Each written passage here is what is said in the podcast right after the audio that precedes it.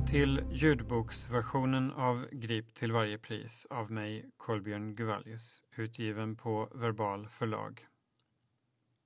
Elfte delen. På bokbloggen griptillvarjepris.se finns en sida för varje avsnitt av podcasten som innehåller bildmaterial ur den tryckta boken. Källhänvisningar hittar du i den tryckta boken och i e-boksutgåvan. Intervjusvar och eh, annan citerad text i boken läses av Lars Winclair.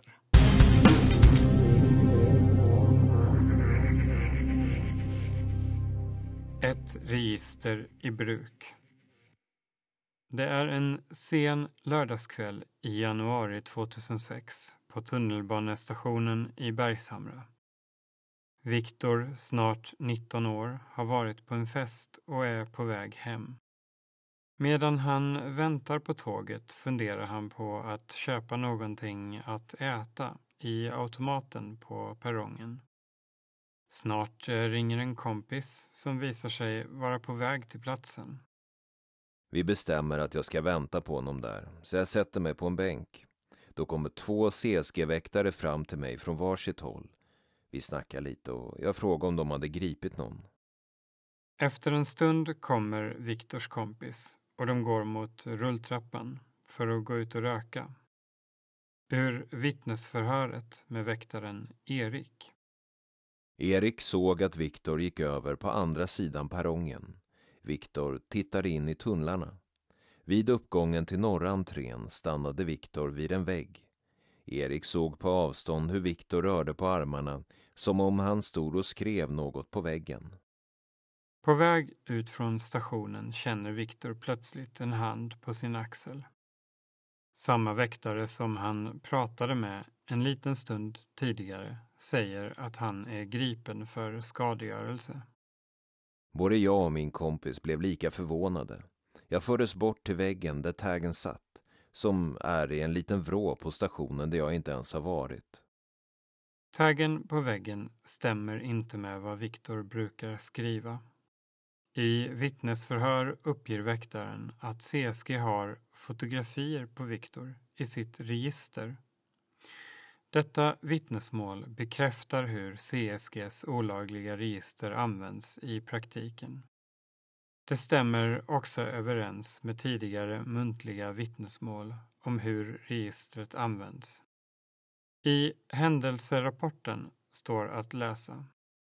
Väktaren Erik uppgav att han samt hans kollegor la märke till Viktor vid tunnelbanans södra entré. Erik kände igen Viktor från foton hans arbetsgivare har på gripna klottrare. Väktarna spanade på Viktor när han gick på perrongen. I vittnesförhöret är formuleringen Erik kände igen Viktor från ett foto som hans arbetsgivare CSG har. CSG har foton på klottrare som de vid något tillfälle gripit. Det här är det tydligaste skriftliga belägg som hittills har framkommit för CSGs fotoregistrering. Tidigare i boken återges hur en annan väktare i vittnesförhör säger att CSG troligtvis har fotografier på personer som går att knyta till en målning. Enligt vittnesförhöret har Viktor varken sprayburkar, pennor eller något annat på sig som man hade kunnat skriva med. Ingen av väktarna har observerat honom kasta ifrån sig någonting. Enligt polisförhöret med Viktor hävdar han att han blir fotograferad av CSG i samband med gripandet. Även till poliserna säger han att han inte ens har befunnit sig på den plats på stationen där taggen påstås vara skriven. Därför ifrågasätter han grunden för gripandet. De har fotograferat mig vid två olika tillfällen i samband med gripanden. Dels den här gången och dels ett halvår tidigare. I de registerkopior som har kommit fram finns mycket riktigt foton på Viktor. Dock inte från det här tillfället. Det är istället två andra foton med fildatum i juni respektive november 2005 som han känner igen som sina egna, privata. Han är registrerad med tag och två olika crew. Uppgifterna om Viktor stämmer, men ingen av taggarna i registret stämmer överens med den som han påstås ha skrivit i Bergshamra. Jag tror att bilderna i registret är från min playahead. Det var ju innan Facebook och det var det enda community jag var med i. Han upprörs över att han visar sig vara registrerad, men är inte förvånad. Det är jävligt obehagligt. De har ju ingen rätt att ha det och det är olagligt, rakt av. Ända sen jag såg i papperna att de kände igen mig från ett foto förstod jag att de hade något sånt. Men då tänkte jag att det var bilderna de hade tagit när de grep mig ett halvår tidigare. Idag har Viktor inte målat olagligt på ungefär fem år och kan inte tänka sig att göra det heller. Men han finns sannolikt fortfarande i registret. Och det oroar honom eftersom han vid tillfället i Bergshamra blev gripen på falska grunder. Han tror själv att väktarna bara kände för att sätta dit någon den gången. Flera liknande historier finns från såväl gripna som före detta väktare om att väktarna snackar ihop sig om vad som har hänt och sedan ljuger i polisförhör. Det är helt sjukt och väldigt orättvist att jag är registrerad. Det är klart att jag har begått fel, men det har jag tagit mitt straff för. Det är inte omöjligt att det händer något i framtiden på grund av detta. Tänk om de har tråkigt någon kväll och känner igen mig och känner för att plocka någon. Det kan hända när som helst. Den oron finns alltid där. Fredrik fotograferas efter civil spaning. Fredrik hör av sig i juli 2014 efter att han har känt igen sig själv och en kompis på ett pixlat foto som har publicerats i en artikel som följer upp Grip till varje pris på nyhetssajten Nyheter24. Fotot är taget vid ett gripande i december 2010 tillsammans med flera andra foton. Metadata från kameran finns i registerfilerna och har kunnat matchas mot polisanmälan från tillfället. Fotografierna är enligt kameran tagna med en Canon Digital XS 70 samma kväll och ungefär samma tid som det aktuella gripandet. I det foto Fredrik har känt igen står han själv i bakgrunden. Kompisen i förgrunden är registrerad med tag och crew och förekommer även på ett annat foto som ser ut att vara taget i en privat situation och kan vara hämtat från sociala medier. En av de andra som grips är registrerad av CSG med tag, crew, förnamn och efternamn och förekommer förutom i ett foto från tillfället på sex fotografier tagna över längre tid där de flesta ser ut att härstamma från en privat samling och kan vara hämtade från sociala medier. Fredrik berättar om sina minnen av kvällen i december 2010. Hur han och tre kompisar går av tunnelbanan vid Bandhagen och hur Fredrik märker att en ung civilklädd person också går av. Han tänker att det bara är en vanlig kille och bryr sig därför inte. Jag var 14 år vid tillfället. Jag såg tydligt hur han såg ut och var klädd. Men vi visste ingenting om hur CSG jobbade. Fredrik och hans kompisar skriver några tags innan de lämnar stationen eftersom de tror att allt är lugnt. Sedan går de längs med gatan mot en bensinstation där de ska byta till buss. Den civilklädde mannen går hela tiden en bit bakom dem. Vi märkte att han gick en bit efter oss, men vi tänkte inte på att det kunde vara något problem. Efter ungefär fem minuter stormade fram väktare och grep oss. Efter ytterligare några minuter kommer även den tidigare civilklädde mannen som nu har bytt om till väktarkläder. Han har nu vad Fredrik beskriver som en fullproppad Haglöfsryggsäck på sig. Rättegångshandlingar från tillfället visar att den civila väktaren, som nu har bytt om till uniform, är sonen till SLs trygghetsansvarige, Jeanette Hegedus i den här boken kallad för Klas, och tidigare ertappad med att ha börjat följa efter icke brottsmisstänkta som befunnit sig i en park. Fredrik har även identifierat Klas från fotografier. Fredrik och hans kompisar blir visiterade av väktarna innan polisen kommer. De sökte igenom våra ryggsäckar och fotograferade oss. Vi visste inte att de inte får göra så. Tre av de fyra unga killar som olagligen förs in i CSGs register över misstänkta klottrare för obestämd tid är 14 år och inte ens straffmyndiga vid tillfället. Den fjärde har inte hunnit fylla 17 år. Men de blir nu bokförda av ett företag som arbetar med privat, regelvidrig brottsbekämpning. Otaliga väktare kommer att plugga in deras utseenden. Dessa väktare kommer kanske att vända sig om och kolla en gång extra när någon som liknar någon av killarna korsar deras väg. I många år framöver. Fredriks och väktarnas historia går isär på flera punkter. Väktarna står enligt egen uppgift på en gångväg intill tunnelbanestationen när de upptäcker att killarna kommer av tåget. De kan med viss svårighet ha sett stationen som ligger på en viadukt därifrån.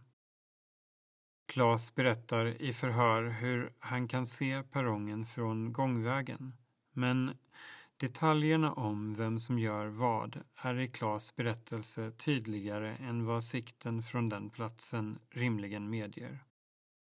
Han hävdar i förhöret att han ser de fyra ungdomarna i sin kikare, känner igen dem sedan tidigare och ser att de börjar klottra. När de går ut från tunnelbanestationen följer väktarna efter dem till en busshållplats cirka 400 meter längre bort och griper dem med hjälp av förstärkning som har anlänt. I CSGs griprapport står att de gripna förs tillbaka till Bandhagens tunnelbanestation för visitering. Där anges också klart och tydligt att de gripnas tillhörigheter söks igenom i jakt på bevismaterial, vilket stämmer överens med Fredriks berättelse. Det här är polisiär utredningsverksamhet som väktare inte får ägna sig åt vilket de erfarna CSG-medarbetarna bör känna till. Väktare får enbart visitera av säkerhetsskäl för att söka efter farliga föremål, vilket utesluter genomsökning av till exempel väskor. Ur polisrapporten. På gärningsman 3 upphittas en vit klotterpenna gömd i högerärmen på jackan. På gärningsman 4 upphittas en vit penna i dennes väska. I gärningsman 1 och gärningsman 2s väskor hittas även färgburkar. Någonting om fotograferingen sägs förstås vare sig i förhör eller griprapport. Sara får utstå tillmälen vid gripandet. Maj 2013 Väktaren Johar beskriver i ett tidigare citerat vittnesförhör hur han griper Sara i korsningen Folkungagatan Renstjärnas gata en natt mellan torsdag och fredag. När Sara kom till korsningen Renstjärnas gata, Folkungagatan, griper Joar henne. Joar gick bakom henne innan gripet och han uppger att han vet att Sara bor i det området. Joar uppger att gripandet var odramatiskt men att Sara skrek till när han tog i hennes vänstra arm. Det visade sig att Sara hade skurit sig och hade flertalet skärsår på vänsterarmen. I det här vittnesförhöret framkommer att Sara i någon utsträckning är kartlagd av CSG. Men det framkommer sällan i förhören med väktarna om de har behandlat de gripna illa. Det här är Saras version av vad som händer vid gripandet. Jag har kommit i kontakt med henne efter att hon har läst Grip till varje pris. Jag såg hur en väktare korsade Folkungagatan precis när jag gick förbi Södermalms foto. Det var först då jag märkte att någon hade följt efter mig. Jag var trött och ledsen och ville bara sova. Han tryckte upp mig mot väggen och så kom en annan väktare och tog tag i min arm. Jag hade oplåstrade skärsår i armvecken och på överarmen. Sara försöker säga till väktarna att de inte ska hålla i henne på det sättet, men de lyssnar inte, så hon börjar skrika. När smärtan gör att hon inte längre klarar av att gå lyfter de upp henne och släpar henne i armarna. När de till slut stannade och drog upp min tröjärm hade det börjat blöda. Sara förs tillbaka till väggen hon har målat på. En mur i korsningen Skånegatan, Renstjärnas gata och en plats som CSG inte har att bevaka i sitt uppdrag för SL. Men väktarna spanar frekvent över hela Stockholm, helt i strid med reglerna. Väktaren Johar har upptäckt Sara längs med gatan innan hon har gjort något olagligt och börjat följa efter henne. Vid muren får hon vänta på polisen tillsammans med tre CSG-väktare. Jag vet att polisen tar lång tid på sig när det är CSG som larmar så jag visste att jag skulle behöva sitta där ett tag tillsammans med dem. Jag började prata med en av de yngre väktarna om politik. Det var efter att Joar hade frågat om jag är en sån där feminist som röstar på Feministiskt initiativ. Efter en lång diskussion med en av de yngre väktarna lägger sig Johar i samtalet igen. Han säger att han vet vem Saras pojkvän är och nämner hans tag. Uppgiften stämmer. Han frågar var hon är uppväxt, vilket hon berättar. Då sa han att han skulle lägga det på minnet så han kunde söka upp mina kommande barns grav efter att de har begått självmord för att de har insett vilken värdelös mamma och pappa de har. Och sen pissa på graven. Jag bara skrattade åt honom för jag ville inte visa några känslor men det kändes väldigt obehagligt att han sa så. Han sa också att mina föräldrar måste vara två värdelösa personer som fått ett så vidrigt barn. Hela tiden tilltalar Johar Sara med hennes tagg. Hon upplever det som att han vill poängtera att han redan vet vem hon är. Denna kunskap bekräftas i vittnesförhöret med Johar då han uppger att han känner till Saras hemadress. Jag tror inte jag hade träffat honom innan. Efteråt började jag fundera på hur han kunde veta så mycket saker om mig och känna igen mig. Förneka allt till varje pris. CSG tycks ha valt som strategi att förneka så mycket som möjligt av de uppgifter som jag har kunnat presentera, även inför de tillsynsmyndigheter som granskar företaget.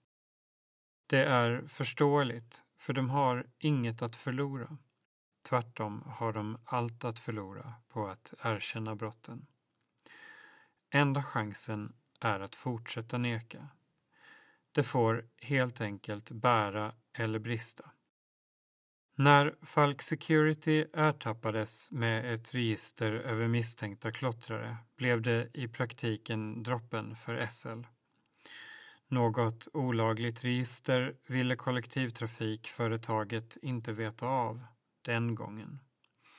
Den här gången har de hittills gått försiktigare fram trots att det idag är ännu tydligare än den gången att registret existerar.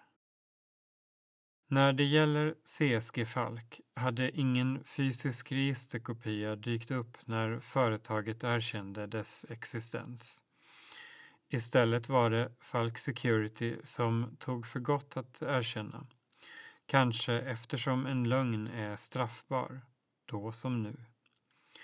Men Falk förlorade sitt kontrakt med SL på kuppen. Om CSG skulle erkänna sitt register, som ju till och med innehåller hela eller delar av Falkregistret, är det rimligt att anta att företaget skulle gå samma väg. Det ska sannolikt mycket till för att någon ska fällas för att ha ljugit för Datainspektionen. Att det är uteslutet att registret kommer någon annanstans ifrån än från just CSG betyder inte att det på rättslig väg går att bevisa det. Än så länge handlar det om uppgifter och material som har lämnats till en journalist. Dessa omfattas av källskydd, vilket försvårar myndighetsutövning baserat på uppgifterna. Datainspektionen borde allra helst ha sina egna direkta källor. Men det är inte självklart att någon kommer att vilja ställa upp och vittna mot CSG under eget namn. SLs strategi har å sin sida hittills varit att hävda att de litar på sin entreprenör tills något annat har bevisats rättsligt. Trots att det idag är uppenbart hur CSG har arbetat i alla år. Sommaren 2014 verkar CSGs VD Patrik Strandberg ha fullt upp med att svara på brev från olika myndigheter.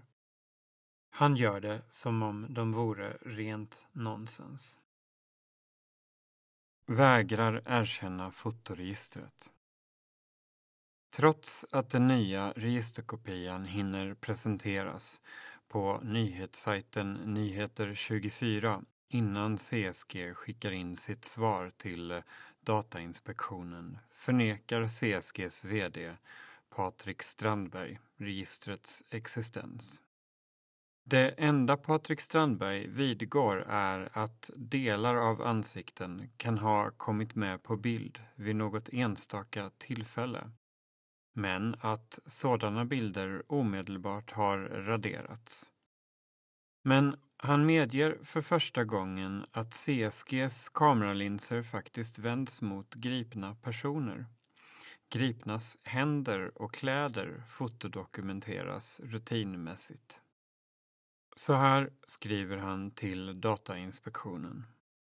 Vid envarsgripanden fotodokumenteras händer eller kläder som har färg på sig. Det har hänt vid enstaka tillfällen att delar av ansiktet kommit med på bilden. Dessa bilder har ej registrerats i skadedatabasen utan raderats omgående. Syftet med att fotografera händer kan bara vara att samla bevis, alltså en del av den polisiära utredningen. Därmed är det inte någonting ett bevakningsföretag får göra. Det finns inte heller någonting i avtalet med SL som säger att händer ska fotograferas. Det finns alltså ingen rimlig förklaring till att CSG fotograferar händer. Om poliserna som övertar gripandet anser att sådana foton behövs av utredningsskäl kan de ta dem själva. CSGs taktik tycks vara att erkänna något litet enligt principen ingen rök utan eld för att kunna förneka helheten och visa att man tar korrekt uppförande seriöst.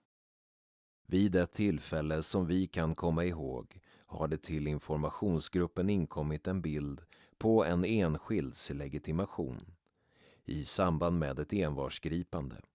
Denna bild raderades och väktaren som tagit bilden fick en erinran och återigen informerad om vår instruktion om dokumentering vid ett envarsgripande. I övrigt nekar CSG till all fotografering av ansikten och registrering av personuppgifter. CSG hävdar att deras interna kontroller och intervjuer inte har kunnat visa att något register existerar trots att registerkopiorna var för sig har kunnat knytas till två olika personer, Marku och David, som är mångåriga medarbetare i CSGs informationsgrupp. Men företaget tycker ändå inte att de registerkopior som har visats upp är tillräckliga som belägg för att ett register finns. Marcus registerkopia har, som redovisats i den här boken, kunnat knytas direkt till honom som person. Detta beror på att material av privat karaktär har lagrats på samma USB-minne som registret. Davids registerkopia har kunnat knytas till honom genom vittnesmål från den före detta väktaren Thomas. Han redogör för hur registret har delats ut till vissa medarbetare så att de har kunnat spara kopior av det i sina hemdatorer. Både Marco och David är ännu anställda i informationsgruppen på CSG. CSG avslutar yttrandet till Datainspektionen med att myndigheten gärna får gå igenom all företagets datautrustning för en noggrann kontroll. Vi välkomnar all form av tillsyn av vår verksamhet och ser er gärna på ett personligt besök där all vår datautrustning står till ert förfogande för en noggrannare kontroll. De registerkopior som har avslöjats har förts på USB-minnen. Det är oklart i vilken omfattning de ens har förvarats på CSGs kontor. Snarare har de förvarats hemma hos medarbetarna i informationsgruppen. Några spår av registret på kontoret, i synnerhet efter publiciteten, lär knappast finnas. Därför är det en enkel sak för CSG att utlova tillgång till datorerna. Det är knappast lönt att ens titta. Det är inte där registret finns. CSG måste erkänna och plocka fram registret i sin helhet om det någonsin ska gå att bringa klarhet i dess totala omfattning. Det är inte bara ett rimligt krav att de själva visar upp vad de så tydligt har ertappats med. Det är också en moralisk skyldighet mot de drabbade så att de kan ställa krav på skadestånd och upprättelse. Men det kommer sannolikt aldrig att ske. Datainspektionen bestämmer sig efter sommaren 2014 för att inte enbart ta CSG på orden utan göra en inspektion på plats, både hos CSG och hos SL. Det senare för att kontrollera om det finns anledning att tro att SL har brister i sin personuppgiftshantering när det gäller klotter. Så här skriver Datainspektionen till CSG. Vi förutsätter att det vid inspektionen finns personer som kan redogöra för och svara på frågor om uppgifter, till exempel personer arbetar i den så kallade informationsgruppen. Vid inspektionen behöver vi ha tillgång till skadegörelsedatabasen, ert interna register, över griprapporter och andra tjänster register och utrustning som ni använder för behandling av personuppgifter och misstänkta klottrare. Datainspektionen inspekterar CSG på plats den 23 september 2014, vilket är efter e-bokens deadline. Jag återkommer till resultatet av inspektionen i slutet av ljudboken. Så här säger Martin Brinnen som handlägger CSG-ärendet på Datainspektionen. Vi fick inte anledning att misstänka någonting med anledning av deras svar utan det handlar om att vi vid närmare eftertanke ansåg att vi bör gå vidare med ärendet, att vi inte kan få så mycket svar genom att skriva frågor. Syftet med inspektionen är inte i första hand att utkräva något ansvar, utan att förhindra att det i framtiden förekommer något olagligt. Det kan handla om förelägganden om bättre säkerhetsåtgärder eller att rutiner ska ses över. Men det är inte uteslutet att Datainspektionen även polisanmäler CSG om de misstänker att brott har begåtts. Om det skulle vara så att vi anser att de rent av ljuger för oss, då gör vi en polisanmälan. Men det är svårt att ta ställning till innan vi hört deras version.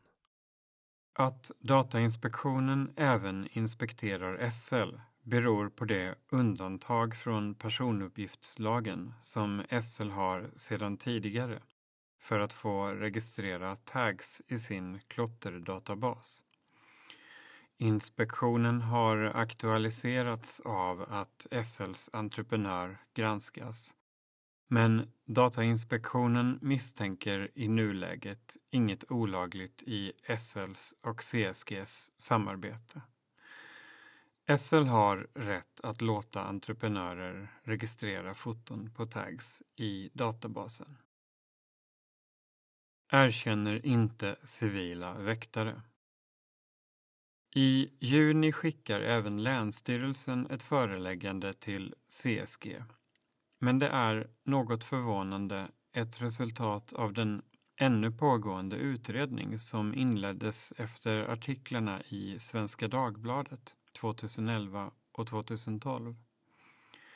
Länsstyrelsen har efter ett och ett halvt år kommit fram till att CSG arbetar med civilklädda väktare i strid med reglerna. I totalt tre av 27 inkomna anmälningar mot CSG anser Länsstyrelsen att det har varit möjligt att påvisa förhållanden som stödjer omständigheterna. Det vill säga att CSG har brutit mot regelverket. Det går på grund av sekretess inte att utläsa om samtliga fall gäller avsaknad av uniform. Men Länsstyrelsen förelägger CSG att vidta åtgärder för att säkerställa att bevakningspersonal använder godkänd uniform vid bevakningsuppdrag samt ingående beskriva dessa åtgärder. Det är därför av väsentlig betydelse att bolaget vidtar åtgärder och inkommer med information som ingående beskriver hur bolaget säkerställer att överträdelserna inte upprepas. Det är så tydligt det kan bli att Länsstyrelsen har konstaterat att uppgifterna om civilklädda väktare är korrekta, åtminstone till viss del. CSGs VD Patrik Strandberg bemöter inte kritiken i konkreta ordalag utan svarar Länsstyrelsen kortfattat. CSG har varit väldigt tydliga mot väktarna om vilka uniformsregler som gäller, både enligt våra policyn och gällande regelverk. På våra månadsmöten med arbetsledare och gruppledare poängteras vikten av att arbeta på ett korrekt sätt vid varje tillfälle. På våra internutbildningar och arbetsplatsträffar förtydligas detta för samtlig personal. Vi genomför interna kontroller som bland annat avser uniformering och även vår kund SLL genomför kontroller på vår personal. Det har inte vid någon kontroll påvisats några felaktigheter avseende uniformering. Vi har tagit fram en särskild policy som tydligt beskriver vad som gäller när man som väktare utför bevakning och uniformens bärande. Svaret ger ett intryck av att CSG aldrig har brutit mot några regler utan tvärtom vill följa dem. Någon ingående beskrivning blir det aldrig. Men Juha Mäntymäki, som handlägger tillsynsärendet på Länsstyrelsen, menar att texten inte nödvändigtvis behöver vara särskilt lång för att uppfylla kraven. Det handlar främst om innehållet i svaret. Mängd eller fyllighet är inte intressant. Vi vill kunna se att företaget förstår vad problemet är. Sen måste vi bedöma om åtgärderna som de har vidtagit är tillräckliga. Exakt hur CSGs svar ska bedömas vill Juha Mäntymäki inte kommentera ännu eftersom CSG har överklagat delar av föreläggandet till förvaltningsrätten. Han vill göra bedömningen som en helhet. Jag kan inte idag svara på om vi anser att svaret är komplett. Överklagandet gäller ovidkommande detaljer i förhållande till den här boken. Fortsätter med otillåtna metoder. Efter att CSG blir varse att boken ska komma ut fortsätter de arbeta med otillåtna eller tvivelaktiga metoder. Det visar en genomgång av polisanmälningar som har gjorts efter e-postintervjun med CSGs VD Patrik Strandberg i mars 2014. Här är några exempel. Mars 2014 Väktaren Klas åker i förarhytten och upptäcker personer som han tycker beter sig misstänkt. Istället för att gå ut i vagnen för att avstyra ett eventuellt brott håller han sig gömd och bevittnar när personerna klottrar. April 2014 Väktare observerar hur en person klottrar på ett elskåp intill spåret vid Globens tunnelbanestation. Väktaren följer personen och hans vänner ut på gatan, bevittnar ytterligare två taggar och följer efter till en kommunal sandlåda där en tredje tagg skrivs. Personen grips först i ett industriområde. Spannet för brottstiden är angiven till 24 minuter under vilka väktaren inte har ingripit. Det framstår som osannolikt att väktaren bär uniform med tanke på den långa observationstiden och detaljrikedomen i observationerna. Maj 2014 Väktare bevittnar hur en person kommer in i samma tunnelbanetåg som väktaren och klottrar på flera av dörrarna i vagnen. Vid Solna centrum kliver personen av och väktaren observerar hur han klottrar flera gånger inne på stationen. Personen grips av tillkallad polis. Det är osannolikt att väktaren är i uniform med tanke på händelseförloppet. Maj 2014 En person tillåts klottra på flera ställen på Stadshagens tunnelbanestation innan han grips ute på gatan. Maj 2014 Väktare upptäcker klottrare, parkerar bilen en bit bort för att bilen inte ska vara synlig enligt vittnesförhöret och ställer sig att spana. Brottet sker utanför CSGs bevakningsområde på en berghäll. Maj 2014 Väktare står fyra meter ifrån ett sällskap inne i ett tunnelbanetåg. De är nästan ensamma i vagnen men en av personerna klottrar trots att väktaren är precis intill. Att väktaren då skulle bära uniform blir mindre sannolikt. Maj 2014 Väktare observerar en person som klottrar på pendeltågsstationen i Västerhaninge. Istället för att gripa honom på plats börjar väktaren följa efter personen in i ett bostadsområde. Kanske för att se om han ska klottra mer. Efter en stund grips personen av väktaren. En mandarin på Sankt Eriksplan. Maj 2014 Kampanjen inför det stundande EU-valet är inne i sitt slutskede och Stockholm kokar av upprördhet. SL har beslutat att tillåta Sverigedemokraternas reklam i tunnelbanan där partiet kommer med starkt ifrågasatta och rent av lögnaktiga påståenden om tiggare. Stationerna är tapetserade med stora bilder på Jimmy Åkesson. Många av affischerna har utsatts för skadegörelse. När Marie, 23 år, och hennes kompis Olof kommer ner på plattformen vid Sankt Eriksplan strax efter nio på kvällen har de druckit ett par öl. De ser den nedstänkta affischen.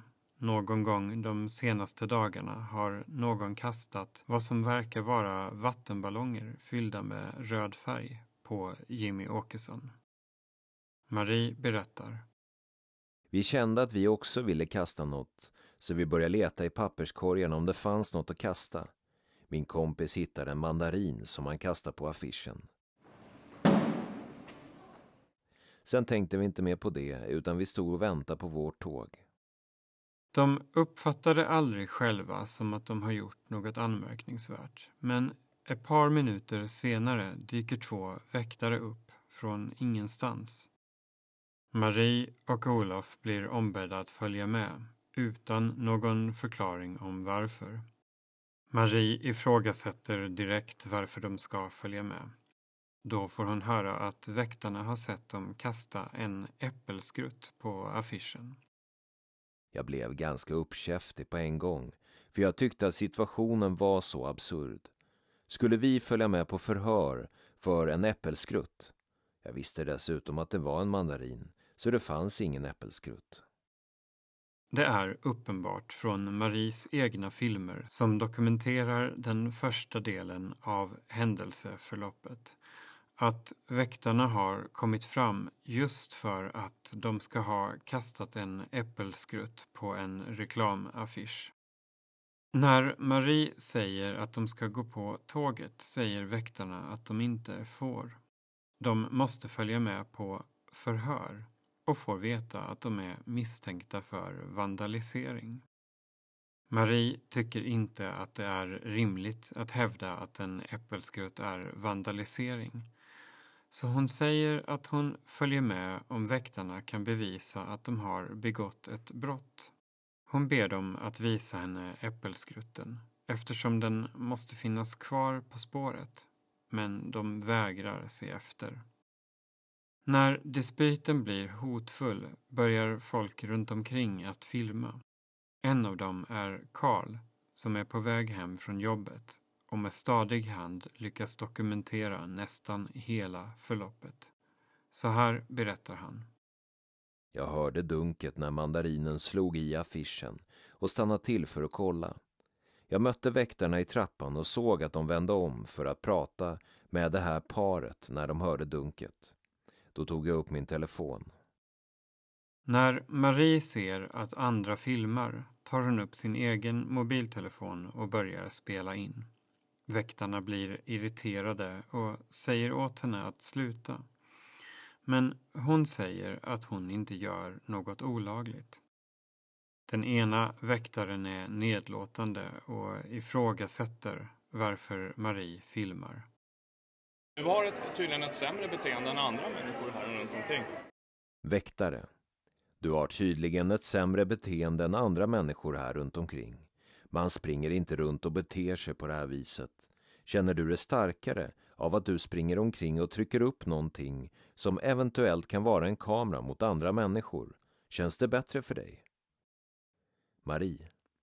För mig känns det bättre att jag kan bevisa att jag har blivit fel behandlad ute i samhället av någon som ska försvara samhället från någonting som ska vara en fara. När en av de andra väktarna går förbi hennes utsträckta arm med mobiltelefon råkar han hamna i bild. Marie berättar. Han säger sluta begå lagbrott. Nu begick du precis ett till. och så säger han att jag är gripen för ofredande eftersom telefonen har varit nära hans ansikte. Marie placerar då telefonen mot sin egen näsa och säger att han får skylla sig själv om han hamnar på bild. När han då snabbt sträcker fram handen mot hennes ansikte för att hålla för linsen slår hon reflexmässigt bort den, men inte särskilt hårdhänt vad hon minns. Då skriker den ena väktaren innan de båda brutalt pressar henne mot en pelare. Våld mot tjänsteman. I filmen syns hur de två väktarna håller fast Marie samtidigt som de förklarar att hon är gripen. Så här hörs hon säga i filmen. Är du dum i huvudet? Om jag vill ha telefonen vid mitt ansikte så får jag ha det. Marie stretar emot när väktarna börjar släpa iväg henne från platsen. Väktarna brottar då ner henne på perronggolvet och fastnar med händerna i Maries hår. Hon får panik och försöker komma loss och sprayar i tumultet självförsvarsspray i ansiktet på en väktare. Det var sjukt läskigt att de försökte släpa iväg mig ensam baserat på en situation som de själva hade skapat. Jag ville inte att de skulle dra iväg mig ensam in i ett rum bakom tunnelbanan. Väktarna blir mer aggressiva efter sprayen. Den ena sätter sig på henne och den andra börjar slita i henne för att få loss burken. De skriker åt henne att ligga still, men hon skriker att hon blir överfallen.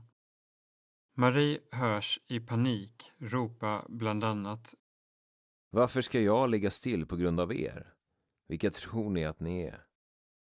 Senare ska det visa sig att Maries finger kläms så illa att hon har ont i flera veckor efter händelsen och måste söka vård. I vanliga fall är jag väldigt lugn, så det känns konstigt att jag är personen som stretar emot i det här dramat. Men jag fick helt enkelt panik. Brottningen pågår i ungefär två minuter innan ordningsvakter ansluter och sätter handfängsel på henne. Ordningsvakterna undrar över fläckarna av överfallsspray på golvet. De har inte överfallit dig, säger en av ordningsvakterna. Men Marie nickar till svar. Är du dum eller? Han är väktare. Säger ordningsvakten då. Titta på alla filmer som finns. Säger Marie. Marie och eh, Olof förs till ett rum i anslutning till tunnelbanestationen. Här finns inga kameror som spelar in, men Marie berättar sin version av vad som händer. De tvingas sitta på golvet i drygt två timmar. Marie protesterar mot att det kalla betonggolvet kan ge henne urinvägsinfektion. Men en av väktarna sparkar till hennes ben så att hon tvingas ner i sittande ställning. Sedan drar de ut hennes fötter till raklånga när hon själv försökt kompromissa genom att sätta sig i skräddarställning. Därefter går de igenom hennes ryggsäck och plockar av henne passet. Marie minns det som att de kollar i passet. Väktare får inte söka igenom tillhörigheter eller kontrollera personuppgifter på det här sättet. Men det är typiskt för hur CSG arbetar. De gör utredningsarbete snarare än att hålla personer i väntan på polis. När polisen kommer till platsen förhör de först väktarna i enrum. Därefter är det dags för Marie och Olof att förhöras. Poliserna låter henne veta att hon är anmäld för ofredande, våld mot tjänsteman och skadegörelse. Jag frågade poliserna vad de menar med skadegörelse. Det var ju inte ens jag som kastade frukten. Men då fick jag veta att väktarna påstod sig ha sett oss kasta färgballonger på affischerna. Jag började garva. Jag trodde det var ett skämt. Hela bråket handlade om en äppelskrutt och sen ändrade de det till att de sett oss kasta färg. Enligt polisanmälan påstår sig mycket riktigt en av väktarna ha sett Marie eller Olof kasta ett objekt hårt mot affischen och att detta ska ha varit vattenballonger med färg. Det är dock tydligt från filmerna att färgen på affischerna är torr. Vittnet Karl, som filmade händelseförloppet på perrongen, har hela historien klar för sig. Jag går där varje dag och de där affischerna var redan nersölade sedan ett par dagar. Jag tyckte det var sjukt att väktare började tjafsa med dem för att ha kastat en frukt. I synnerhet som det handlar om att skydda Åkesson-affischerna. Väktarna var i det här fallet förstås i sin fulla rätt att, liksom vem som helst, klaga på att en frukt kastas på en affisch. Men deras rättigheter slutar där och är lika inskränkta som alla andras. De får bara gripa personer som har begått ett brott med fängelse i straffskalan. Tycker de att en kastad mandarin ska beivras måste de alltså tillkalla polis, inte ingripa själva. När väktarna sedan blir vad de kallar för ofredade har de redan själva i praktiken ofredat personerna de griper. Hur fallet bedöms i en kommande rättegång återstår att se, men det kan handla om olaga frihetsberövande. Eftersom väktarna på falska grunder också har hävdat att Marie och Olof har begått ett skadegörelsebrott, kanske för att inför polisen legitimera ingripandet till att börja med, kan det vara fråga om så kallad falsk tillvitelse. Men då måste det gå att bevisa rättsligt att väktarna faktiskt ljuger och inte bara har missuppfattat situationen. Per blir nästan gripen av civil väktare. Juni 2014. Medan utredningarna pågår tycks CSG fortsätta arbeta precis som innan. Det hävdar åtminstone flera graffitimålare som är aktiva med olaglig målning i Stockholm, oberoende av varandra. Så sent som den 17 juni 2014 blir Per, 17 år, påkommen av vad som sannolikt är en civil CSG-väktare längs pendeltågslinjen vid Stuvsta söder om Stockholm. Men han kommer undan. Vi var ute och målade ett elhus på eftermiddagen. Efter 10-15 minuter hör vi hur en pinne knäcks, så vi hukar oss och ser oss omkring. Då ser vi en civilklädd man bara 15 meter ifrån oss. Han har hoppat över staketet. Mannen är enligt Per klädd i svarta byxor, tröja och mössa. Han har ryggsäck och vita hörsnäckor i öronen. Det ser ut som att han står och pratar i en walkie-talkie. När han ser att vi har sett honom skriker han ”Lägg er ner!” Vi sprang över alla spåren och kom undan in i skogen. Love blir väckt på bussen och misshandlad. Juli 2014. Det är en sen kväll och Love, 29 år, är på väg hem. Han har varit och målat vid den lagliga graffitiväggen i Märsta, men somnar på bussen. Plötsligt blir han bryskt väckt av att två väktare från CSG sätter på honom handfängsel. Enligt polisanmälan är de tillkallade av SL eftersom Love har somnat på bussen. Jag vaknade av att de stod och flinade och sa Ja, det är ju du som brukar ta foton på oss. De satte handbojor det hårdaste de kunde och sen slet de mig av bussen. Jag har fortfarande märken på handlederna. I och med att de är så hårdhänta spjärnar Love emot ordentligt vid gripandet. Väktarna måste ta till våld för att hålla fast honom. När jag väl hamnade på marken satte den ena väktaren sig med ett knä i nacken på mig. Den andra hade foten i bakhuvudet. Mitt ansikte låg rakt mot asfalten och jag fick skrubbsår i hela ansiktet. De kallade mig för apa. Jag var ett djur. Jag var inte värd någonting för dem. Det kändes grovt kränkande att få höra sådana saker. Särskilt när jag inte hade begått något brott. Jag hade bara somnat på sista bussen hem. Enligt Love själv anmäler väktarna honom för våldsamt motstånd, våld mot tjänsteman och skadegörelse. Han motanmäler dem för misshandel. Men när poliserna frågade vad skadegörelsen skulle ha bestått i kunde de inte svara.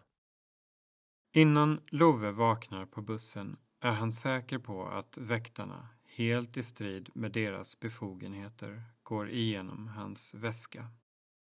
Väktarna visste vad det fanns i väskan när de tillkallade polis. Och det innebär att de måste ha tittat i den innan jag vaknade. Poliserna säger enligt Love åt väktarna att de måste följa med in till stationen för förhör om misshandeln av honom. De blir ombedda att följa efter polisbilen. Men då sa väktarna att de hade fått ett anrop om ett annat fall, vilket var bullshit. De ville väl sitta och gadda ihop sig innan de förhördes. Väktarna försvinner snabbt från platsen och Love får sova på polisstationen eftersom han är påverkad. Men två dagar senare stöter han ihop med de båda väktarna. De som har anmält honom för att ha varit våldsam har inte en skråma i ansiktet. Hans eget ansikte är rejält ärrat. De flinade åt mig. Jag tog fram min telefon för att fotografera dem men då sprang de allt vad de kunde därifrån. CSG vill inte kommentera. Jag söker CSGs VD Patrik Strandberg vid upprepade tillfällen inför publiceringen av e-boken, både via telefon och e-post. Han låter först bli att återkomma, men efter flera påstötningar skickar han ett kort e-postmeddelande. Jag har fått meddelandet via vår växel. Jag avböjer en intervju. Jag nöjer mig inte med det. Jag har förberedda frågor som bör få ett svar. Patrik Strandberg är skyldig, inte minst de många drabbade, att svara uppriktigt vad han vet och hur han ser på bevisningen mot CSG. Han är också skyldig Stockholms läns skattebetalare som finansierar huvuddelen av hans lön att göra det. Det här är frågorna som jag skickar till Patrik Strandberg. 1. I maj 2014 griper de två väktarna, NN och NN, brutalt en ung kvinna på Sankt Eriksplans tunnelbanestation efter att hennes kompis har kastat en mandarin på en reklamaffisch. De anklagar senare inför polisen henne för att ha kastat färgfyllda vattenballonger på affischen. Hur ser du på arbetsmetoden? Hur vanligt är det att CSGs väktare gör ingripanden för nedskräpningsförseelser och sedan begår falsk tillvitelse för att sätta dit gripna för brott de inte har begått? 2. I juli 2014 rotar två väktare från CSG oprovocerat igenom en persons väska på en buss mellan Märsta och annan ort medan han sover eftersom de känner igen honom som graffitimålare. När han vaknar griper de honom och misshandlar honom. Jag undrar hur du ser på arbetsmetoden samt om den är vanligt förekommande. 3. Väktaren Klas är son till Jeanette Higedus på SL. Är det lämpligt att ni har anställda med familjeband till den närmast ansvariga personen hos er uppdragsgivare? 4. Varför fotograferar CSGs väktare gripnas händer och kläder så som du skriver till Datainspektionen? Detta är polisiärt utredningsarbete och ingår inte i det skriftliga uppdraget för SL. Väktare ska endast hålla gripna i väntan på polis. 5. Du skriver också till Datainspektionen att de är välkomna att gå igenom all er datorutrustning trots att registret endast har påståtts föras på USB-minnen. Vad skulle poängen vara med att gå igenom datorutrustningen? 6. I ett förhör från 2006 uppger en väktare, Erik, att CSG har foton på alla klottrare som företagets väktare har gripit. Varför säger han så? Personen som grips vid tillfället förekommer med två fotografier i CSGs register. Hur kan det komma sig? 7. De två registerkopior jag har kunnat presentera kan knytas till två olika personer. Det är Marcus kopia som är den som presenteras i boken. Denna kan knytas till honom eftersom han har lagt in på samma USB-minne och sedan har förlorat det. Jag vill veta om du har talat med Marco om registret och vad han har uppgett. 8. Den andra registerkopian, som först presenterades på Nyheter 24, knyts till David genom att en före detta verifierad anställd uppger att han har fått låna hem USB-minnet från honom med den uttryckliga uppmaningen att kopiera det till sin hemdator för att lära sig ansikten på fritiden. Han uppger också att David förvarade registret hemma. Jag vill veta om du har talat med David om registret och vad han har uppgett. 9.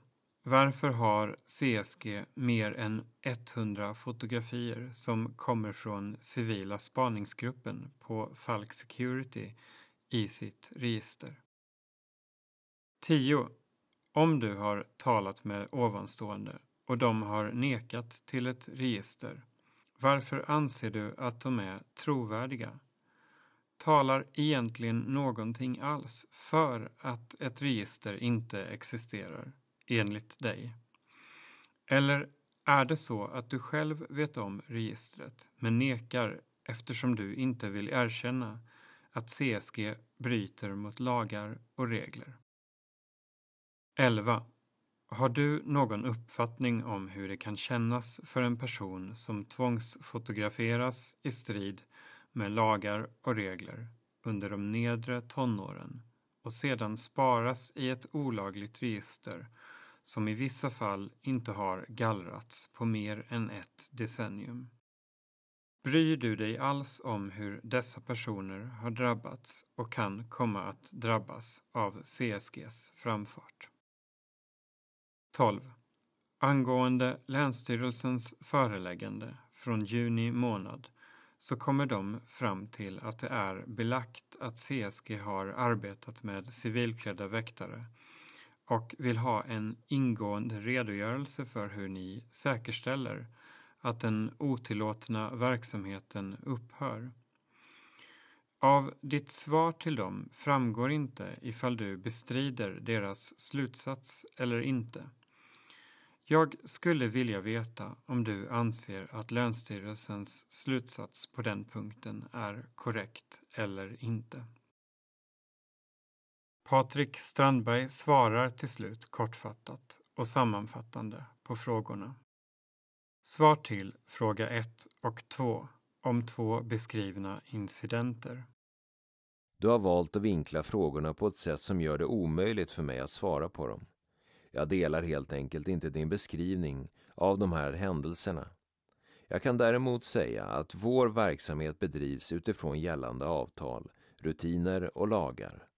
På det följer uppföljningar både internt, av uppdragsgivaren och kontrollerande myndighet.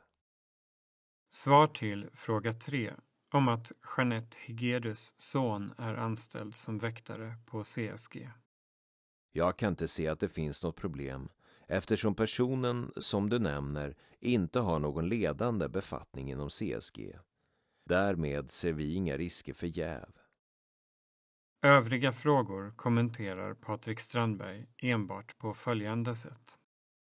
CSG arbetar enligt gällande lagar och avtal. Vi har fullt förtroende för vår uppdragsgivare och myndigheter och välkomnar Datainspektionens uppföljning. Därmed får många viktiga frågor aldrig något svar. Strandberg hävdar att CSG följer reglerna fastän han i klartext till Datainspektionen har meddelat att företaget fotograferar gripnas händer och fastän Länsstyrelsen har konstaterat brott mot uniformskravet. Jag ställer två följdfrågor till Patrik Strandberg via e-post. 1. När det gäller händelsen vid Sankt Eriksplan. Jag har gått igenom åtskilligt videomaterial från olika källor, intervjuat olika närvarande personer samt stämt av med förundersökningsledaren vad det står i de olika anmälningarna. Därför skulle jag gärna vilja veta vilken bild du har av vad som hände på platsen och hur CSGs ingripande kan motiveras ur ditt perspektiv. 2. När det gäller ditt samlingssvar. Ditt svar innebär implicit att det som står i Grip till varje pris och i de uppföljande artiklarna inte stämmer. Menar du att allt material som jag har publicerat enligt dig är uppdiktat? Det måste faktiskt vara antingen eller här. Det som jag har skrivit visar ju nämligen tvärtom att CSG inte arbetar enligt gällande lagar och avtal. Patrik Strandberg svarar 1. För mig som VD på CSG gäller följande. Alla ingripande som vi gör ska självklart ske enligt gällande lag och regler. Och om vi har gjort något fel i de fall som du nämner så är det upp till myndigheterna att utreda detta. Om det skulle framkomma att vi brustit i någon rutin så ska det åtgärdas. Jag välkomnar och har fullt förtroende för dem som granskar oss. 2.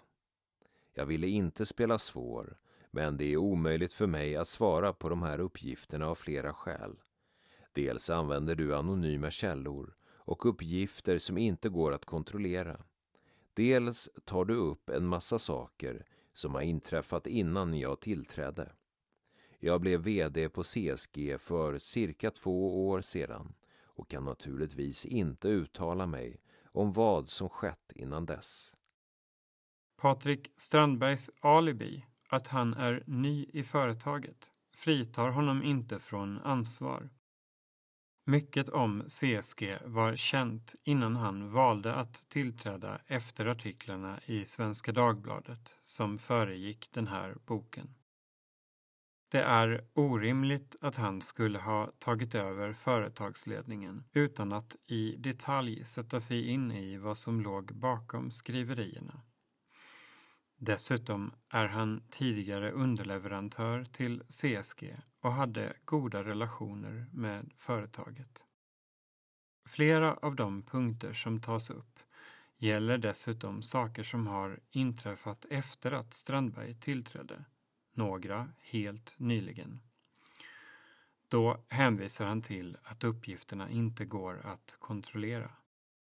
Men de går att kontrollera CSG kan till exempel begära ut kopior på samma polisanmälningar som jag har använt som källmaterial.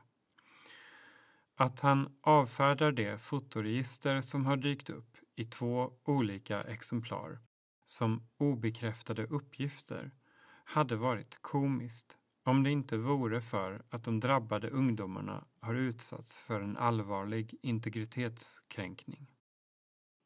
Patrik Strandberg har fått veta de verkliga namnen på de två utpekade medarbetarna i informationsgruppen, Marco och David.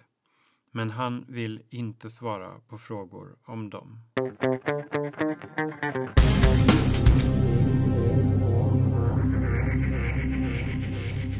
Det här var elfte delen av Grip till varje pris av mig, Kolbjörn Guvallius. Lyssna igen nästa onsdag för att höra fortsättningen. Intervjusvar och annan citerad text i boken lästes av Lars Winclair.